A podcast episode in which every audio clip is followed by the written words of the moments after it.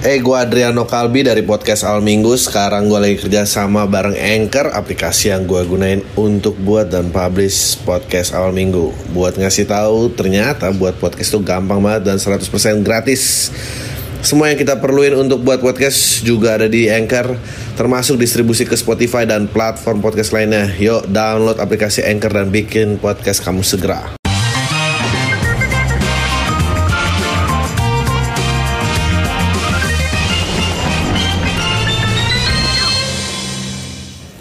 Semua lu lagi dengerin podcast Malam Minggu bareng gue Adriano Kalbi dan kali ini uh, spesial banget episodenya saya mendatangi tempat yang uh, saya belum pernah datangi sebelumnya dan jujur aja sangat tegang datang ke sini. dan uh, kayaknya nih beliau juga pengen banget jadi uh, talent Emily berikutnya. Nah, kalau beliau jadi talent saya yakin nggak ada yang nggak berani ketawa. Udah bareng gue uh, Bang Muhammad Fadil Imran Kapolda kita. Betul Anda dong. Ini adalah uh, orang paling pusing setelah diberikan mandat ternyata mudik tidak diperbolehkan tahun ini ya. uh, orang selalu kontroversi, wah ya kenapa ngelarang ini? Tapi orang nggak pernah mau mencari menggali cerita uh. ke pihak yang dijatuhi tugasnya sebetulnya. Iya betul. Paling pusing ya? Pusing. Tujuh keliling. Tujuh keliling ya. Itu pada saat diumumkan. Pusing bin, bin mumet. itu kalau saya penasaran ya kalau keadaan-keadaan perintah datang dari tempat-tempat tertinggi seperti itu ya mudik dilarang gitu. Semua nggak ada. Gimana ngelarangnya pak? Gitu nggak ada yang nanya pak. Terima uh, aja pak. terima aja udah. Karena ya? ya sudah kerjaannya seperti itu. Oke. Okay. dan uh, sudah tahu lah kira-kira apa yang harus dikerjakan gitu. Uh. cuma tinggal bagaimana menjelaskannya kepada orang-orang yang akan dilarang mudik ini nanti. Betul, betul. Ini ya kan kalau ngerjakannya gampang tapi iya. bagaimana menjelaskannya kepada Uh, dan posisi hmm. kalau di lapangan bisa satu lawan 30 orang lagi ya. Ya. Meredamnya bagaimana tuh? Itu coba? dia. Jadi memang butuh apa ya?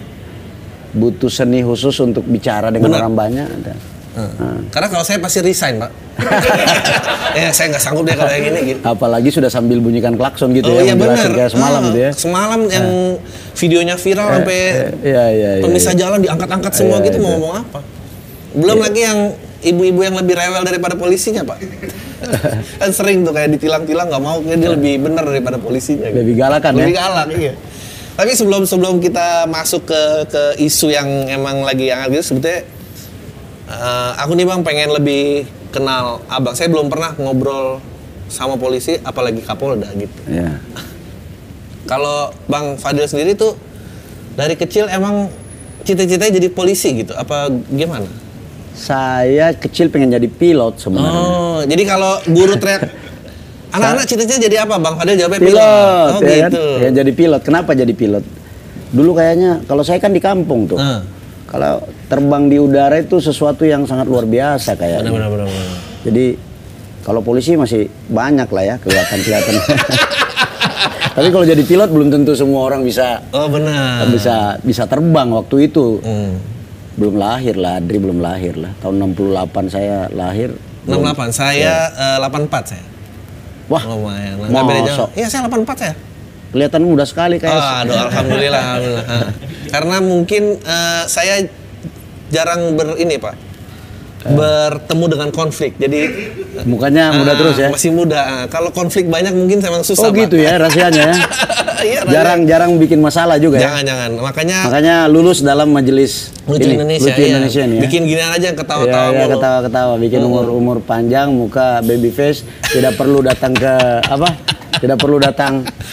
Tapi kayaknya gonta ganti pacar juga. Aduh, aduh, aduh, aduh, aduh. ini playboy cap gayung juga mukanya ini. Jangan-jangan itu juga ya bikin awet muda aduh, ya? Aduh, aduh, aduh, aduh, itu itu beda soal itu. Dan itu kita di episode selanjutnya aja bawa bawa pacar. Um, lalu tiba-tiba masuk ke kepolisian kapan pak? Mulai uh, saya uh, waktu tamat SMA rame-rame tuh. Uh. Daftar ada yang mau masuk perguruan tinggi, ada uh. yang masuk akademi militer, uh. masuk akabri. Uh saya pikir juga keren juga ya oh. keren nih barang nih keren nih bisa juga ini masuk saya daftar lah oh. daftar dua-duanya yang pertama di samping melihat ini keren yang kedua juga saya ingin uh, meringankan beban orang tua. Harus Oh, luar biasa, luar Masa biasa. depan ini harus jelas ini, jangan Betul, sampai betul, betul. hanya sekedar kuliah tapi nggak jelas mau ke mana perginya. Ya, Saya mendaftar lah kedua-duanya. Saya mendaftar dua-duanya. Saya lulus di Fakultas Teknik Mesin Unhas. Hmm. Saya lulus juga di Akpol. Uh, luar biasa ya. Bersamaan tuh. Binun saya, Binun. Tahu Binun kan? Binun. Ada di persim bukan Iya. Ada di persimpangan jalan. Hmm. Ini mau milih Akpol apa mau milih Hmm. jadi mahasiswa? Mahasiswa. Akhirnya saya memutuskan untuk ikut jadi taruna Akpol aja. Wah, hebat itu. banget. Itu Nah. menurut saya eh, mentalitas yang sangat berbeda dengan generasi milenial dan Gen Z, Pak. Apa bedanya? Karena nggak ada milenial yang lulus sekolah mikir mau ngeringanin beban keluarga, nggak ada, Pak. Apanya? Sangat jarang. Kalau milenial tuh semua kayak ya demi kesukaan saya dong gitu. Oh, Orang gitu tua ya. harus paham saya gitu. Nggak ada, Pak. Kau bolak-balik ya? Iya, tuh bolak-balik. Kalau ditanya kenapa kamu begini, Ah. salah sendiri kenapa ngajarin saya begini gitu ya? Iya betul. betul. nah terus orang tua bangga, maksudnya langsung Ah, pastinya bangga kan Luar dulu biasa. seribu satu. Benar-benar. Seribu satu dalam satu kampung yang bisa jadi taruna ya kan? Kalau mahasiswa sekampung juga bisa jadi ya kan? Oh. iya, iya. Tapi dulu eh, di sekolah tuh profilnya murid yang seperti apa? Kayak apakah yang bandel, apakah yang Saya kalem, kalem. Oh kalem. Kalem. Sudah menegakkan peraturan waktu di sekolah apa emang Eh, bakat ah, itu keluar nanti? belum. Oh, belum. Kalem aja kalem. Oh, kalem aja. Kalem, kalem. Tidak bangor juga. Oh. Enggak. Kalem aja, santai. Pasrah aja. Eh, Waktu keterima gitu yang gembira satu keluarga aja apa satu kampung juga ikut ini apa? satu RT gembira. Belum ada sejarahnya. Ah. Kampung saya itu RT saya lulus. Wah. Baru saya seorang tuh. Tujuh hari tujuh malam dirayain. Itu yang Dan kalau saya pulang cuti taruna itu Hmm. Seluruhnya dirayain. Hari Oh. ini makan di sini, besok makan di sini. Oh, keliling. Oh, Motivator, memberikan arahan. Benar, benar, Gimana caranya bisa masuk? Iya tolong jadi taruna? lah, ini berikan Iya. semangat para Iya, pemuda-pemuda iya, komplek iya, nih iya. biar maju Iya, dan iya, iya, iya. Kayak gitulah kira-kira. Ya. gila. Berarti Eh, kampung ini udah dua tahun ya nggak kedatangan bapak lagi untuk memberikan wejangan-wejangan. 29 tahun. Oh, udah nggak pernah pulang kampung itu sembilan tahun. Ya, selama jadi polisi ini tahun ke-30 nggak pernah pulang saya. Jadi kalau orang yang baru 2 tahun tidak pulang kampung mah cemen kali itu. saya udah 30 tahun. Nah, itu dia Nggak- tuh. Hmm. Ya pulang kampung sih, tapi ba- pas bukan lebaran. Bukan lebaran ya, dicari momen yang lain ya. Iya, pas lagi situasi yang lain. Iya. Eh, dulu pada Nggak, saat pernah pulang kampung juga nggak? saya kebetulan lahir besar Jakarta pak. Jadi saya nggak kampungnya di mana? kampung. Ibu saya orang Padang. Ibu saya orang eh, Bukit Tinggi. Ah. Ya kalau pulang kampung ya ikut ibu.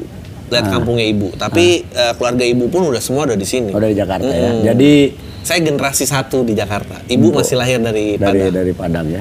Tapi kampung pernah lihat ya? Pernah, pernah. Saya ya 4-5 kali masih ada. Ya, enggak harus ditengok-tengok jangan sampai hilang dicolong maling nanti. Benar, benar, benar, benar, benar, benar. Ka- ya, ya sama lah seperti bapak gitu yang kalau suka eh, kita ada ikatan gitu, kadang-kadang ya kumpul, Kumpul, ya. sharing apa segala macam perubahan dan ini. Eh, ada masa pengen berhenti nggak pak waktu itu? Waktu lagi masih mengejar menjadi polisi. Ada. Ini kok makan diatur, bangun pagi harus begini. Ini kok apa tidak ada yang lebih Baik daripada ini ini. ya? lebih susah daripada ini kok. Tapi jawabannya kalau mau jadi orang harus susah dulu. Oh. Itu semangat saya. Mau jadi jenderal nggak? Oh. Iya ternyata betul. Digembleng betul mentalnya. iya. Penempatan pertama di mana pak? Saya penempatan pertama di Sumatera Selatan. Oh, sebagai? eh Pamapta namanya dulu Pamapta. Jadi yang mengendalikan operasi Polres Hmm. eh, setiap hari. Hmm. Nah, itu dibawa eh, koordinasi yang namanya Pamapta itu jabatan saya, Panglima Perang. Oh. Panglima Perang lah.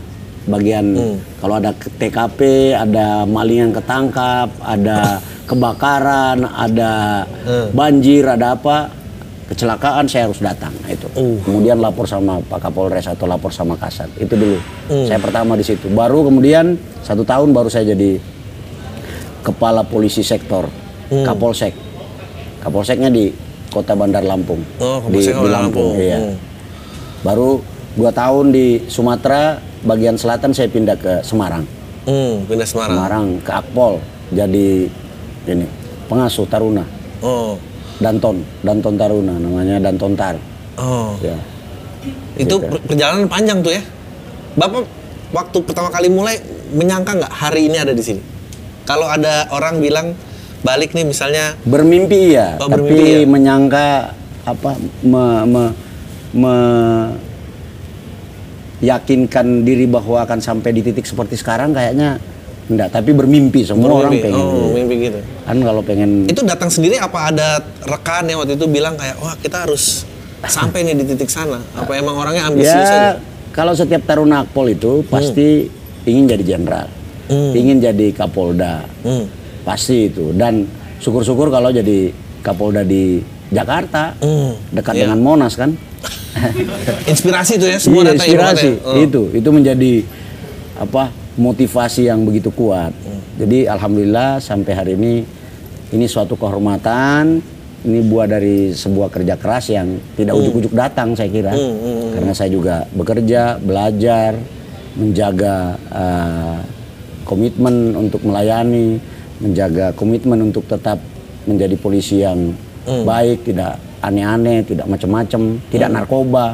Nah, itu kan godaannya di ibu kota kan banyak. Oh gitu ya. Godaannya banyak, apalagi dari ini ya, apalagi kerjanya berkaitan dengan kejahatan. Hmm. Kiri, Nah, kanan, depan, belakang semua godaan.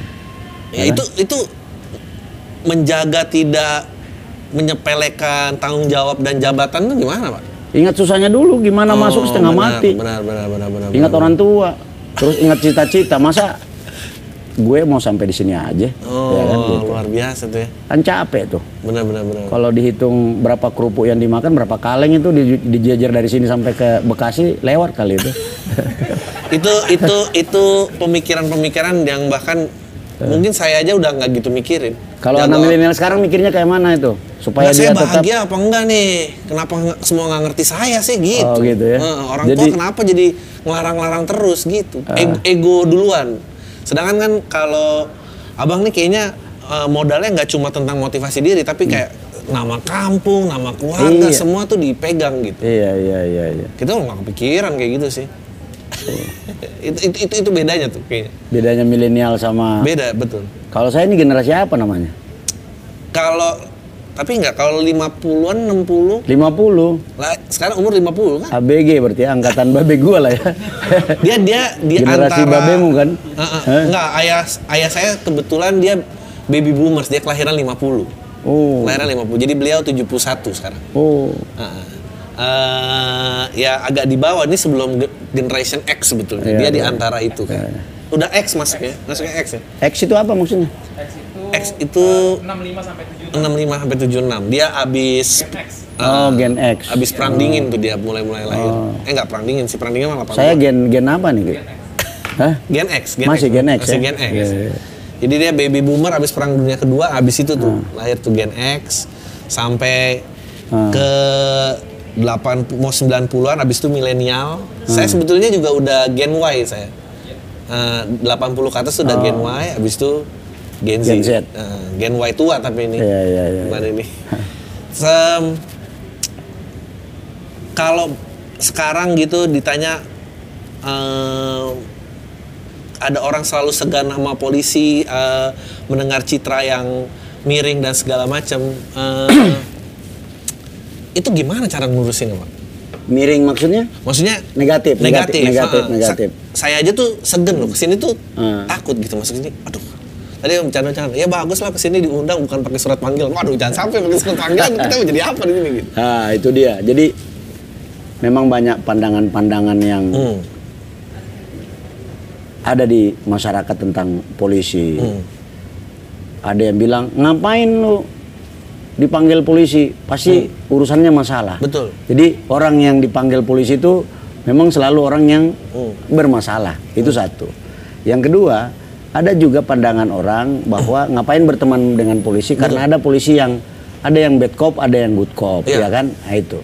Good cop itu ya polisi penolong, sahabat, tapi bad cop itu polisi yang berkawan dengan maling, polisi Hmm. yang menyalahgunakan wewenang dan sebagainya. Nah, dalam mensikapi ini saya kira eh, sebenarnya bu- bukan hanya di polisi, Iya, di, di, di, di mana-mana saja ada yang baik, ada yang buruk. Hmm. Tapi karena polisi ini tugasnya dituntut untuk eh, memerangi kejahatan, sehingga Hmm. ekspektasi masyarakat itu sungguh luar biasa terhadap si polisi ini, bukan malah berteman dengan penjahat dan sebagainya, bukan malah eh, mengecewakan masyarakat. Harusnya kan menolong. Nah ini, ini, ini, ini yang terjadi eh, saat ini. Apalagi cerita-cerita, eh, awas lu, kalau nakal nanti saya panggil polisi. Itu Betul. kan sangat membekas. Ya. Tapi polisi sesungguhnya seperti ya saya ini aja coba lihat kan saya Santai kan aja. santai aja lucu-lucu aja kalau bahkan eh, majelis lucu Indonesia butuh talent manajemen untuk testing siapa yang lucu atau enggak saya ngelihat baunya aja sudah tahu ini lucu apa enggak. Aduh, aduh, aduh, aduh. jadi ya kira-kira gitu. Jadi memang banyak hal yang perlu eh, diperbaiki memang. Saya menyadari intinya saya menyadari selaku pimpinan Polda Metro Jaya dan selaku pribadi sebagai polisi menyadari bahwa memang ada eh, hal yang harus dikoreksi ada hal yang harus diperbaiki ada hal yang harus ditingkatkan terkait dengan ekspektasi dan harapan masyarakat. Polisi penolong, polisi pelayan, polisi pelindung itu yang ya kenapa sih gua pengen ditolong malah polisinya aneh-aneh. Malah minta duit, minta ini, minta gratis, minta diskon ya kan? Kan banyak tuh yang cerita-cerita begitu. Iya. Gua mau gua ditilang minta ditindak, malah polisinya ah kira-kira masyarakat kan bilang begitu. Iya. Nah ini yang harus kita perilaku-perilaku yang menyimpang begini harus terus kita uh, Benahi. perbaiki. Tapi sekarang banyak polisi-polisi juga yang uh, inspiratif, banyak polisi-polisi juga yang luar biasa. Dia mengajar, dia uh, bikin pondok pesantren, jadi ustadz, ya tak?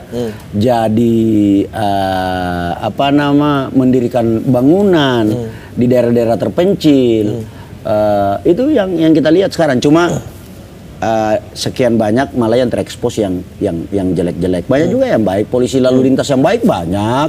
Tapi ada satu dua orang lah yang, yang- Oke. yang- apalagi dengan program Kapolri sekarang yang ingin mentransformasi polisi secara kelembagaan supaya semakin bagus. Ya, toh? sekarang kan mau buat SIM Ya. nggak usah datang ke kantor polisi. Betul, betul. Dulu kan harus datang ke kantor Ya. polisi, loketnya banyak sampai keram kaki berdiri Ya, kan kan udah betul. lebih bagus Betul, ya kan. betul, betul. Sekarang mau buat SKKB juga begitu online Ya, banyak. Ini betul. programnya Pak Kapolri sekarang. Sekarang juga tilang nggak usah ketemu sama polisi. Ya. Cukup eh, dipotret kalau melanggar surat cinta datang ke rumahnya Adri. Iya, betul. Ya dah? Udah pernah ditilang paket le belum? Belum.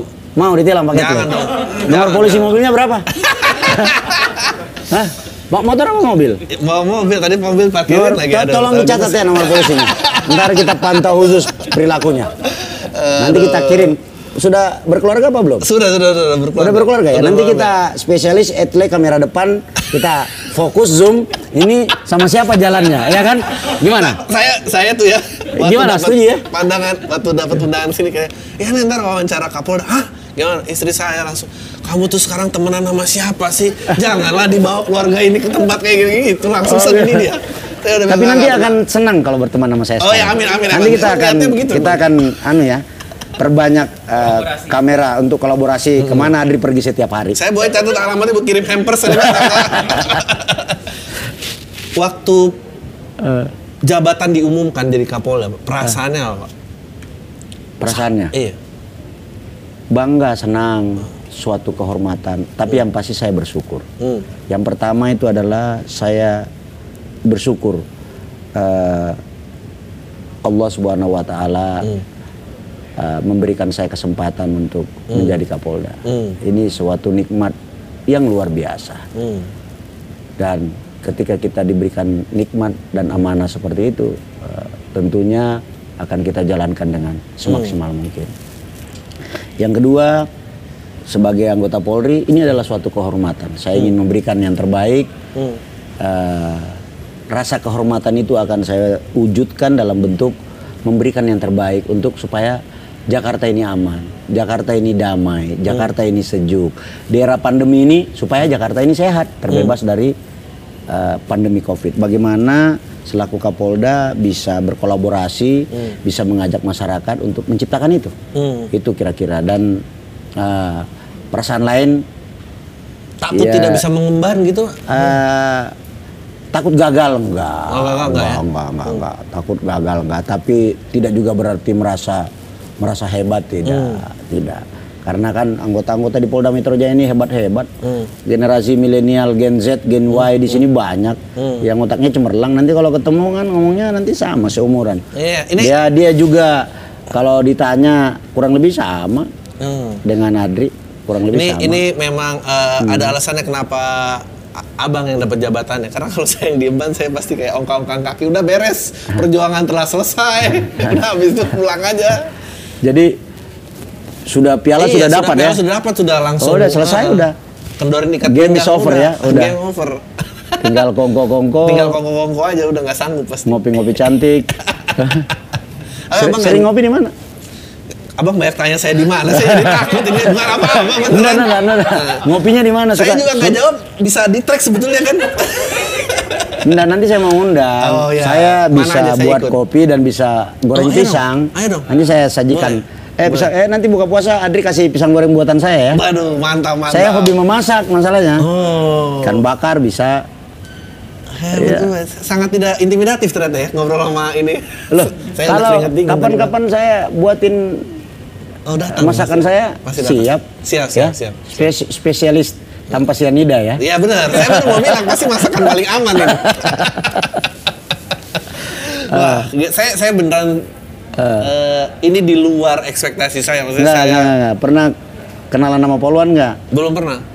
Poluan udah mau saya kenalin sama Poluan. Ya, kenapa jadi di depan kamera gini jangan depan oh, kamera. gitu gitu ya. jadi, jadi Poluan Polki sekarang hmm. itu uh, kurang lebih uh, seperti Adil lah, tidak semuanya berkumis apa ya kan ngomongnya. Selamat malam. Bapak mau ke mana? Enggak sekarang udah Selamat malam, oh, punten, nun sewu, ya kan? Oh. Jadi lebih familiar sekarang gitu. Iya lah, lebih enak kayak gitu. Saya iya, saya iya. benar ini uh, ya ke, kemewahan yang luar biasa lah. Saya beneran nggak nyangka gitu. Oh bisa serileks ini dan senyaman ini dan uh. Uh, buat saya saya selalu punya imaji uh, uh. kepolisian yang strict dan tegas jadi kayak jauh sekali gitu. Iya. Nah, itu salah besar salah itu. besar ya? Iya. iya.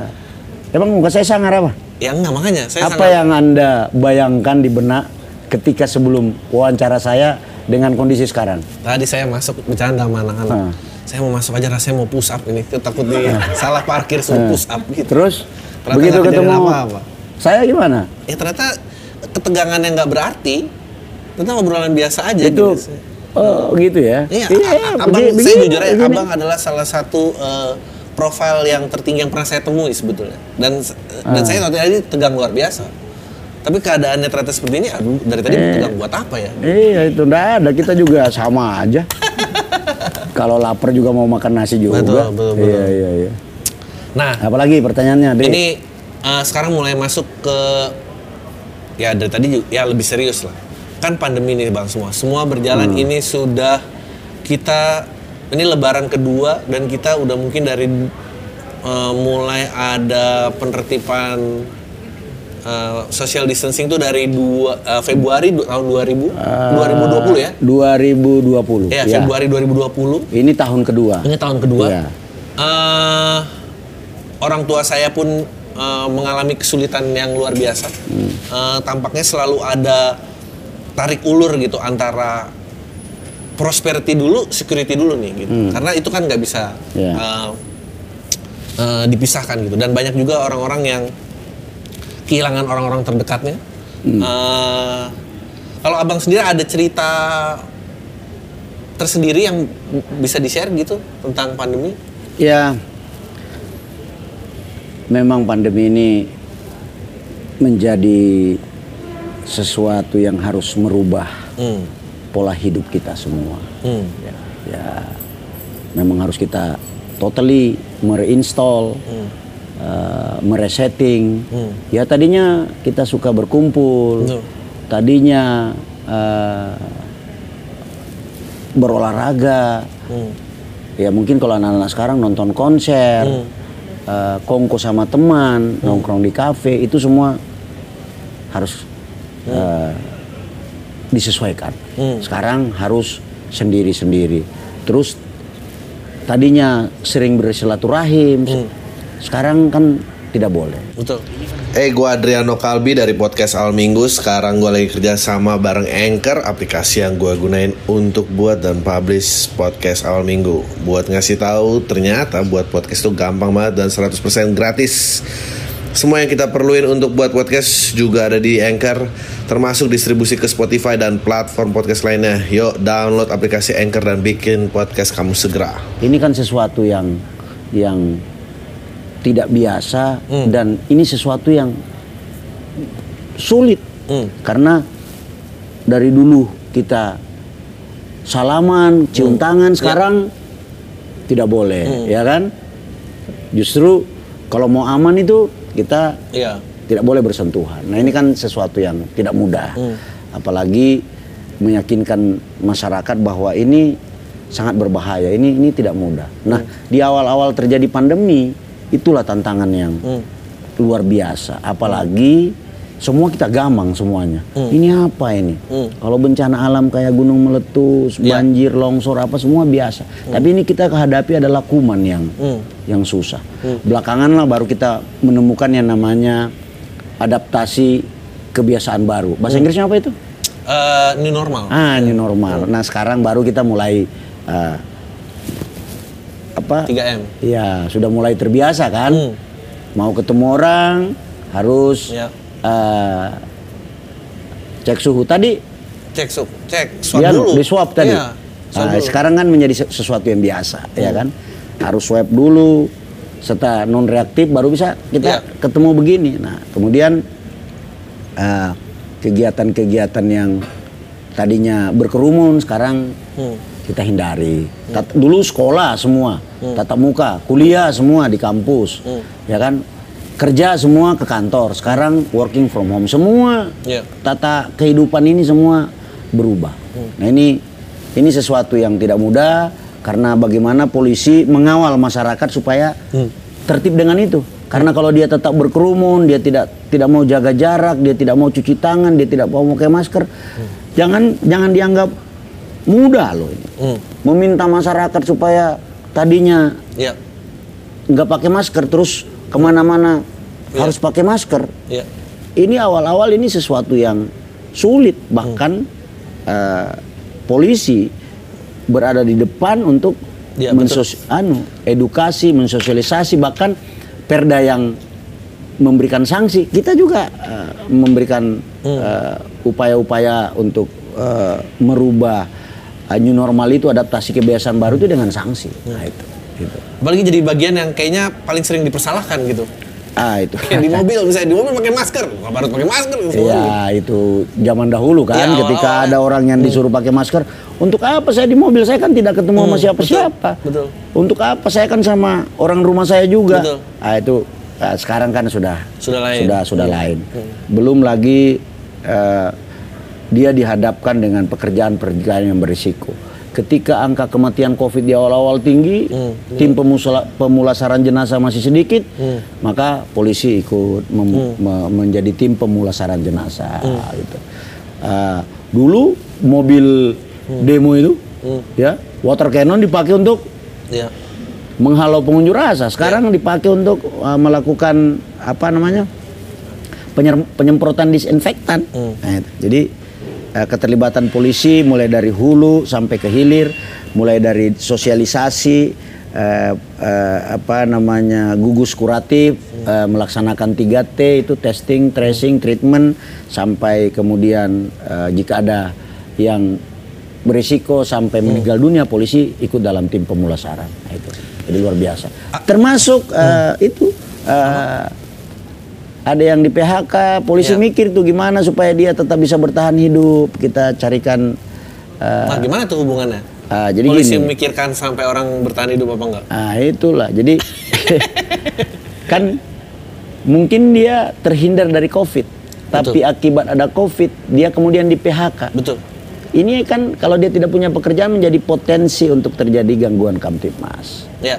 Sehingga ya polisi, Polri kemudian mencari uh, solusi terbaik untuk Oke. itu. Nah itu yang saya kemudian timbul pemikiran kira-kira apa ya yang bisa dijadikan uh, konsep agar uh, masyarakat-masyarakat di kampung itu di samping dia bisa uh, mencegah dan menangkal diri dan lingkungannya dari pencegahan COVID. Yang kedua, dia bisa kuat di dalam uh, menghadapi cobaan ekonomi ini. Yang ketiga, kampungnya tetap aman. Di situ saya kemudian berpikir. Oke. Lahirnya Kampung Tangguh dari situ. Saya kemudian ber- bertemu dengan beberapa akademisi, teman-teman dari Brawijaya. Lahirlah Kampung Kampung Tangguh itu. Jadi Kampung Tangguh itu sebuah manifestasi daripada konsep untuk mengawinkan ketahanan terhadap eh, penyakit, ketahanan ekonomi dan eh, Oh, menarik. ke- keamanan. Menarik. Itu eh, beyond his job, police job betul, gitu betul, ya kan. betul, betul. Jadi bukan hanya ngurusin nangkap maling, tapi bagaimana masyarakat sehat, bagaimana masyarakat yang terdampak pandemi ini bisa makan. Iya, betul. Nah kita kerjasama dengan banyak pihak melatih me- beternak lele, melatih eh, hidroponik, melatih membuat kerupuk dan sebagainya, Oh, hebat. supaya eh, apa nama eh, eh, dia tetap bisa survive, Hmm. dia bisa tetap sehat karena tahu sendiri pedagang banyak yang tutup, salon banyak yang tutup, tempat hiburan banyak Hmm. Betul, yang tutup, betul. seniman yang main band juga banyak yang menganggur karena tidak ada Ya. lagi live music. Betul. Suka ke kafe mana? Ya kayak kami juga Pak, susah eh Pak. susah ya. Mau. Iya. Heeh. Ditanya kok malah tidak dijawab. Gimana? Hah? Saya takut Pak nanya-nanya jawab saya ada di mana beneran deh. Lagu apa kesenangannya kalau ke kafe? Aduh. Suka dengarnya lagu apa? Top 40 aja Pak. Oh, gitu. gitu. Nggak, tapi yang lucunya adalah saya itu waktu awal stand up eh, mungkin tahun 2012 tahun 2013 saya itu punya eh, beat komedi. Saya bilang bahwa eh, crime stopper itu polisi Eh. tidak bisa menem- eh, menghentikan crime karena yang untuk menghentikan crime itu sebetulnya kemakmuran. Jadi Hmm. kalau saat orangnya tidak dijaga kemakmurannya seperti yang Bang Hodil tadi bilang dia berpotensi mengganggu Ya. ketertiban. Jadi eh, ya saya senang aja eh, Bang Fadil nih pemikirannya ternyata holistik gitu maksudnya Hmm. melihat jadi sebelum eh, menangkap ya mendingan kita mencegah bagaimana Ya. eh, menjaga kemakmurannya orang-orang tersebut. Ya, betul itu. Dalam era sekarang menangkap maling itu Hmm. bangga kita. Oke. bangga kita. Tapi eh, sejatinya mencegah orang tidak menjadi korban Betul. itu adalah sebuah kemuliaan. Betul. Mulia mana? Sudah jadi korban, Iyalah. nangkap malingnya atau eh, tidak terjadi apa-apa? Ya mendingan nggak terjadi apa-apa Nah, lah. itu. Jadi itu kasihan. sekarang yang berkembang di di generasi Hmm. muda kepolisian bagaimana. Nah, itu tadi di Kampung Tangguh di eh, metode pemolisian Hmm. kontemporer sekarang itu adalah ya model-model seperti itu. Jadi Hmm. polisi hadir di hulu memecahkan masalah, mencegah masalah jangan datang. Hmm. Bukan bagaimana masalah datang kemudian baru polisi tangkap. Nah, Iya. itu enggak, enggak, enggak. Itu Polisi zaman Mas. now itu nggak begitu lagi berpikirnya. Tiba-tiba dengar ngomong polisi zaman now dari Kapolda.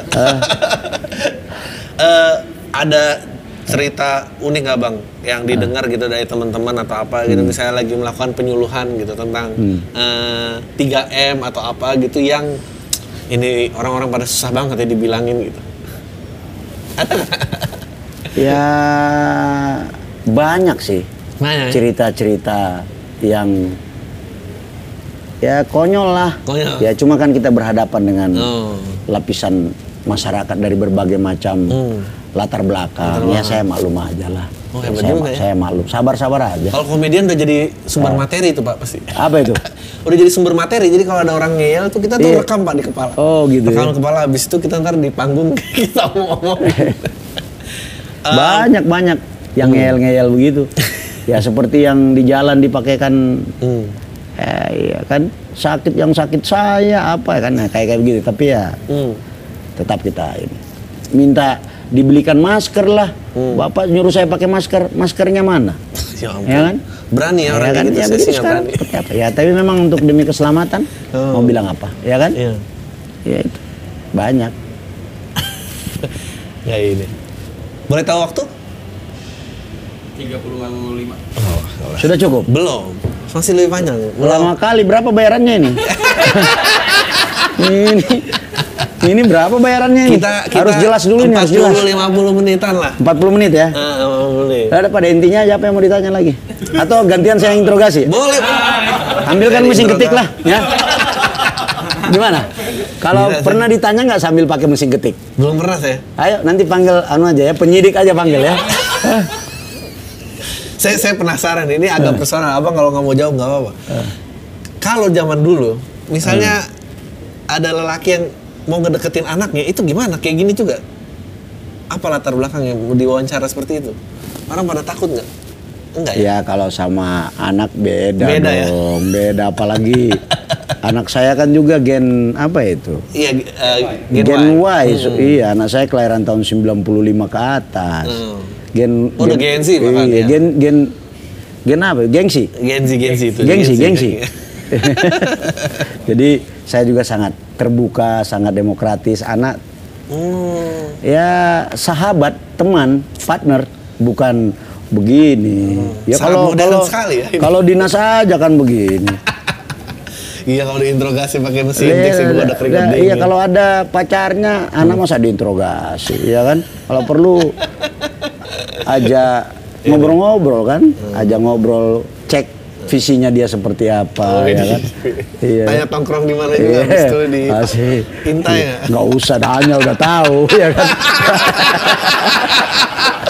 Udah tahu Iya. namanya. Iya. Langsung salam buat bapaknya ini kayak iya. Om. Apa perlu saya bacain? Widi widi widi widi widi widi. Ada ya? Perlu saya bacain? Gimana? Baca apa misalnya? Totok aura lah. Oh, Ya, udah. udah. Nggak, saya bacain. Nongkrongnya di mana sukanya? Di mana kira-kira saya nongkrongnya? Ya nanti saya saya, kasih kasih ini, saya dalamin gitu, ya kan? Waduh, waduh, waduh, waduh, Jangan waduh, ya. waduh. Jangan jangan jangan. Iya. Jadi gitu, saya nggak nggak nggak sesangar seperti yang orang bayangkan lah. Saya juga manusia. Apa itu? Kalau sandi apa namanya? Apa sinetron itu apa? Yang ini punya Perasaan punya juga. punya perasaan. Lagunya kayak mana itu lagunya? Aduh, saya lupa lagunya gimana. Oh, bukan lagu anu ya, bukan lagu anak bukan lagunya Rinto Harahap itu. Nggak tahu Rinto Harahap itu, Hah? jauh lah ya. Nah, lalu tapi ada nggak sih kalau dari sisi kepolisian gitu ya em, eh, sejak pandemi ini dan em, orang banyak kehilangan pekerjaan, tingkat eh, kekerasan gitu, eh, baik di lingkungan, bahkan sampai masuk ke rumah tangga, itu kasusnya jadi meningkat, Justru menurun. justru menurun. Kejahatan-kejahatan yang terkait dengan eh, properti dan kekerasan Oh. justru menurun. Oh, Eh, mungkin beriringan dengan mobilitas orang karena aktivitas menurun sehingga angka kejahatan pun Menurun, menurun. betul. Ada penurunan jumlah kejahatan. oh, Menurut saya analisis sementara karena eh, grafik dan jumlah aktivitas menurun sehingga risiko orang untuk kemudian menjadi korban juga hmm, uh, menurun. Jadi pergerakan orang, pergerakan barang itu berbanding lurus dengan risiko kemudian terjadinya tindak pidana. Itu itu itu anu, hipotesis sementara saya sementara. Ber- Karena berdasarkan data menurun. Yang meningkat uh, justru uh, tindak pidana tindak pidana yang uh, apa nama uh, meni- tapi meningkatnya juga tidak tidak tidak Signifikan. tidak tidak signifikan ya narkoba. Oh, narkoba justru naik ya? Narkoba justru naik. bosan orang kali mungkin ya. Nah, sekarang Narkoba yang paling disenangin apa? Waduh, masa saya mengaku di sini? Pakai ini, delik pengakuan. Iya iya iya, nggak boleh ngaku ya. Jangan, nggak boleh ngaku. Sampai botak sariawan nggak boleh ngaku Nggak ya. boleh, nggak boleh, jangan. Nanti kita cek urin aja. Wah, boleh ya? eh, tipe tipe Boleh boleh. Boleh nggak? lain ternyata. Boleh ya? Agak dagut-dagut nih, ketawa-ketawa biar Iya. ini ngeri-ngeri sedap dikit lah ya. Wah, takut takut. Boleh boleh. Habis Jangan, ini cek ke kamar mandi bentar ya. Astaga, Toilet lah ya. Hah? Boleh dong gitu? ya. Bercandanya kayak gini baru Tembakau gorila gimana sih rasanya sebenarnya itu? Waduh, apa itu, Pak? Begitu aja jawabnya gitu Pak. Apa yang terbaru sekarang? Apa sekarang yang terbaru itu? Jenis terbaru? Jatuh-jatuh. Enggak. Yang terbaru apa? Saya jujur saya nggak nggak terlalu ikut sekarang dengan. Saya juga nggak terlalu ngikut Pak. Tapi kalau dengar cerita teman banyak katanya. Ya. Apa yang paling ngetren sekarang di kalangan generasi muda itu apa itu? Gini Pak, kalau di era saya, saya Hmm. itu dulu besar di eh, daerah Ciledug Petukangan Selatan. Hmm. Itu tahun 94. Hmm. Eh, 94 tuh awal PT itu merebak banyak. Oh iya iya. Zaman-zaman itu. Yang di Iya. suntik-suntik itu. Itu ya? teman kehilangan banyak. Oh, iya, Teman iya. banyak. Eh, terus nggak lama era eh, sabu tuh masuk. Hmm. Tapi nggak lama abis itu karena udah parah lingkungannya, akhirnya keluarga saya pun Hmm. Pindah sana. Oh, iya. Kalau enggak sih saya kecemplung juga. Iya, iya, udah nggak jadi apa-apa kali sekarang. Enggak ini sengaja saya tanya. Sebenarnya ada ujungnya. Ajunya apa? Ujungnya saya ingin mengatakan kan udah dijawab sendiri tadi. Ternyata kalau menggunakan narkoba itu Hmm. pasti kalau nggak jiwanya yang Hmm, terganggu. terganggu atau fisiknya meninggal dunia kan? Iya, betul, Cerita kan betul, tadi betul, kan? betul, betul, Zaman PT Oh, PT masih ramai kan? Oh, ngeri, PT Iya tuh kan ngeri. sudah menjadi saksi sejarah Oh, sendiri. ngeri banget. Itu jadi jadi eh, adik-adik saya generasi milenial, generasi zaman now ya sebenarnya tidak ada untungnya Anda Anda mengkonsumsi narkoba apa pun. Hmm. Jadi saya tadi bertanya sebenarnya hanya Iya. pengantar. Jadi nggak usah khawatir sebenarnya. Saya saya hanya butuh keringat, pengakuan sendiri bahwa Kalau dulu nggak ada untungnya. lucu-lucu, Pak. Ada orang jual rice cooker sama nasi-nasinya. Saking Saking nyari uang. saking Iya. nyari uang ya. Iya, saking Dulu udah- nggak sempat jual rice cooker. Saya malah sempet Enggak, jangan-jangan bapaknya lebaran kursi, bapaknya keluar lebaran tahu-tahu kursinya Hilang. Hilang kan? Saya cuma saya, kalau saya ini mau ngaku saya saya Ah. cuma pernah beli dulu kan kalkulator saintifik mahal Iya, iya, orang iya. tua nggak bisa beliin ada yang jual dua puluh ribu lagi pak kalau Oh, saya bayar jadi kamu penadahnya berarti. kalau itu termasuk kejahatan nggak Kejahatan. Kok begitu? Ya penadah. saya waktu itu mau Nih, tiba-tiba ini laptop kamu nih saya jual ke orang, Eh. terus dibeli. Hmm, tapi saya mau ujian matematik pak saya pakai apa Jadi harganya berapa itu? Sebenarnya kalkulator saintifik itu Oh, harganya zaman berapa? itu mungkin dua ratus lima puluh ribu ada kali ya? Beli warnanya berapa? 20.000. Eh itu pelat pidananya di situ. itu namanya menada itu. Eh, tapi- Membeli sesuatu di luar harga kewajaran. kalau kejahatan di atas 10 tahun udah dilupain belum pak Ya sudah aman lah. Udah aman. Ya, udah aman lah. Udah kada luar sah. udah kada luar sah. Oke. Ya. Ini, ini, ini isu terakhir. Betul, ini gue masuk mudik. Nah, Mudik. Lalu sekarang mudik dilarang. Eh, menegakkannya gimana, Pak? Saya ngeliat kemarin kan yang pasti viral yang kemarin tuh eh, jalan dipaksa Hmm. buka kan. Itu baru hari pertama, Pak. Iya. Lalu eh, kelanjutannya biar ini jalan dengan lancar dan tertib nih bagaimana, Pak? ceritanya? Jadi begini ya. Sebenarnya ini ini mudik ini eh, bukan dilarang sebenarnya. Bukan dilarang. Kalau eh, diartikan mudik dilarang, kesannya diatur-atur. Ini bukan dilarang, tidak boleh mudik. Oh. Iya. Iya benar. Tahu kan apa? bedanya antara Beda. dilarang dengan tidak Iya. boleh? Heeh. Kalau dilarang itu kesannya kayak perintah. Hmm. Ini tidak boleh dengan penjelasan. Kenapa tidak boleh? Hmm. Tidak boleh itu karena pandemi Covid ini sohibnya itu kerumunan. Hmm, betul. Yang kedua mobilitas. Hmm.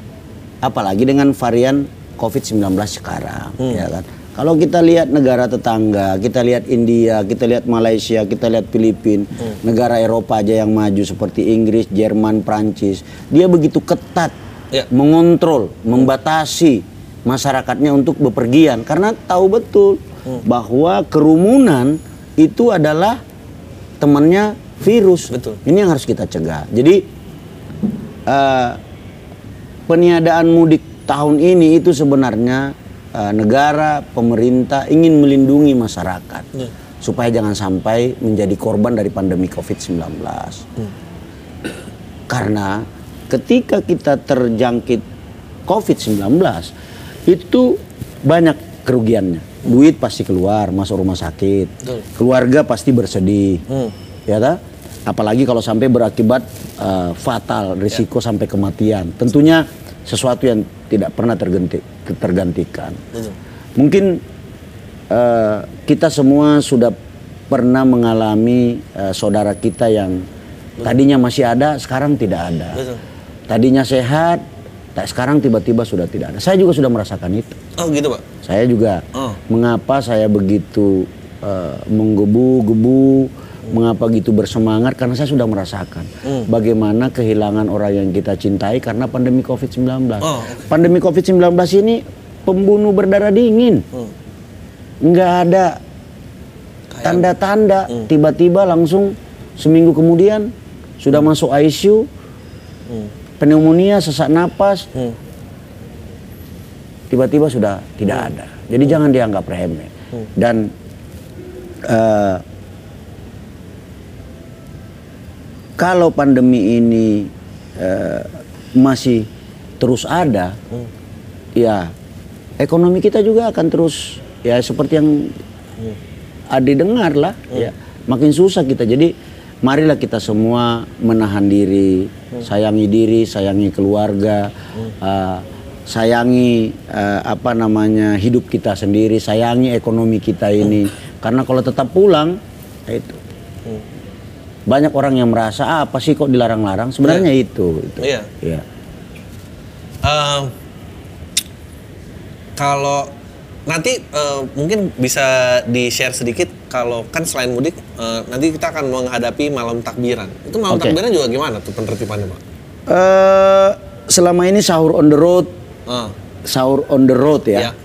saya nggak tahu tuh bagaimana itu pemaknaannya tiba-tiba jadi konotasinya jadi negatif Uh. Kalau dulu waktu saya Kapolsek, banyak kan sahur on the road itu kan kebut-kebutan. Yeah. Habis sahur, dia kemudian turun ke jalan kebut-kebutan, lalu yeah. kemudian tawuran. Yeah. Nah, ini sudah kita antisipasi. Nah, saya berharap malam takbiran pun hmm. yang sering ditafsirkan secara salah hmm. dengan cara kebut-kebutan keliling, hmm. kemudian uh, menyebabkan kemacetan. Karena ini situasi pandemi, saya berharap uh, semua uh, takbir hmm. malam takbiran di rumah saja. Hmm. usah ke mana-mana. Kalau mau ke musola di musola aja takbir. Hmm. Tapi isinya pun tidak usah banyak-banyak. Hmm. usah rame-rame karena berkerumun juga itu berbahaya. Hmm. Jadi uh, silakan uh, merayakan kemenangan hmm. dengan takbir uh, di tempat masing-masing karena uh, sesungguhnya kita takbir di jalan, takbir di masjid, takbir di rumah itu pahalanya sama. Apalagi ini situasi pandemi COVID-19. Nanti di Jakarta akan ada filterisasi mulai jam 6, hmm. jam 18, hmm. sampai jam 10 malam. Hmm. Bagi mereka yang tidak memiliki kepentingan jelas, hmm. kecuali masih mau ke mall karena mall masih buka sampai jam 21. Hmm. Nah, setelah itu jam 22, jam 10.00 semua kembali jalan kita akan atur. Hmm. Kita akan filterisasi bagi yang tidak punya kepentingan berada di jalan berkerumun apalagi ingin melakukan takbir keliling kita akan hmm. eh, himbau kita akan arahkan untuk kembali ke rumah masing-masing hmm. ini untuk menjaga diri menjaga keluarga semuanya supaya kita tidak uh, tertular COVID-19 itu hmm. Rencananya demikian juga dengan sholat Idul Fitri sholat Id tahun ini jauh akan lebih berbeda hmm. uh, Gubernur DKI Jakarta sudah mengeluarkan himbauan kalau bisa uh, melalui uh, Menteri Agama juga kalau bisa sholat id di rumah. Hmm. Apalagi yang di zona merah, zona oranye, hmm. yang jumlah uh, penderita COVID-nya masih tinggi, disarankan untuk uh, uh, di rumah saja bersama keluarga inti. Hmm. Ini ini demikian juga dengan uh, ketika uh, Lebaran pasti kan identik dengan apa namanya itu? Ah, kumpul-kumpul. Kumpul-kumpul, silaturahim, hmm. saling mengunjungi. Kalau bisa sekarang ya bersilaturahmi secara virtual saja. Hmm. Uh, second wave atau third wave ini adalah sesuatu yang uh, ujian bagi kita semua. Hmm. Kalau kita bisa melewati ini, maka kita akan menjadi bangsa yang hmm. uh, unggul, bisa menjadi bangsa yang bisa menyelamatkan generasi uh, kita supaya kan biayanya tinggi kalau masuk. Tahu kan satu yeah. orang biayanya itu 150 sampai dengan 160 juta kalau orang yeah. masuk belum sakitnya, bagaimana dia susah bernapas dan sebagainya.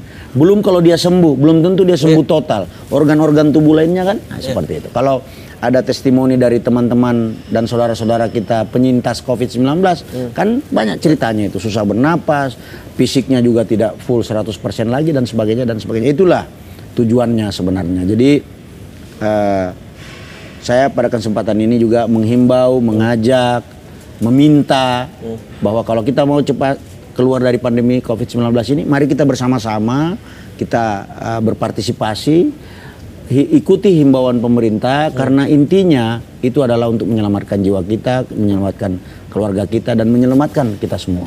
Hmm. Itu. Ya. Itu Adri.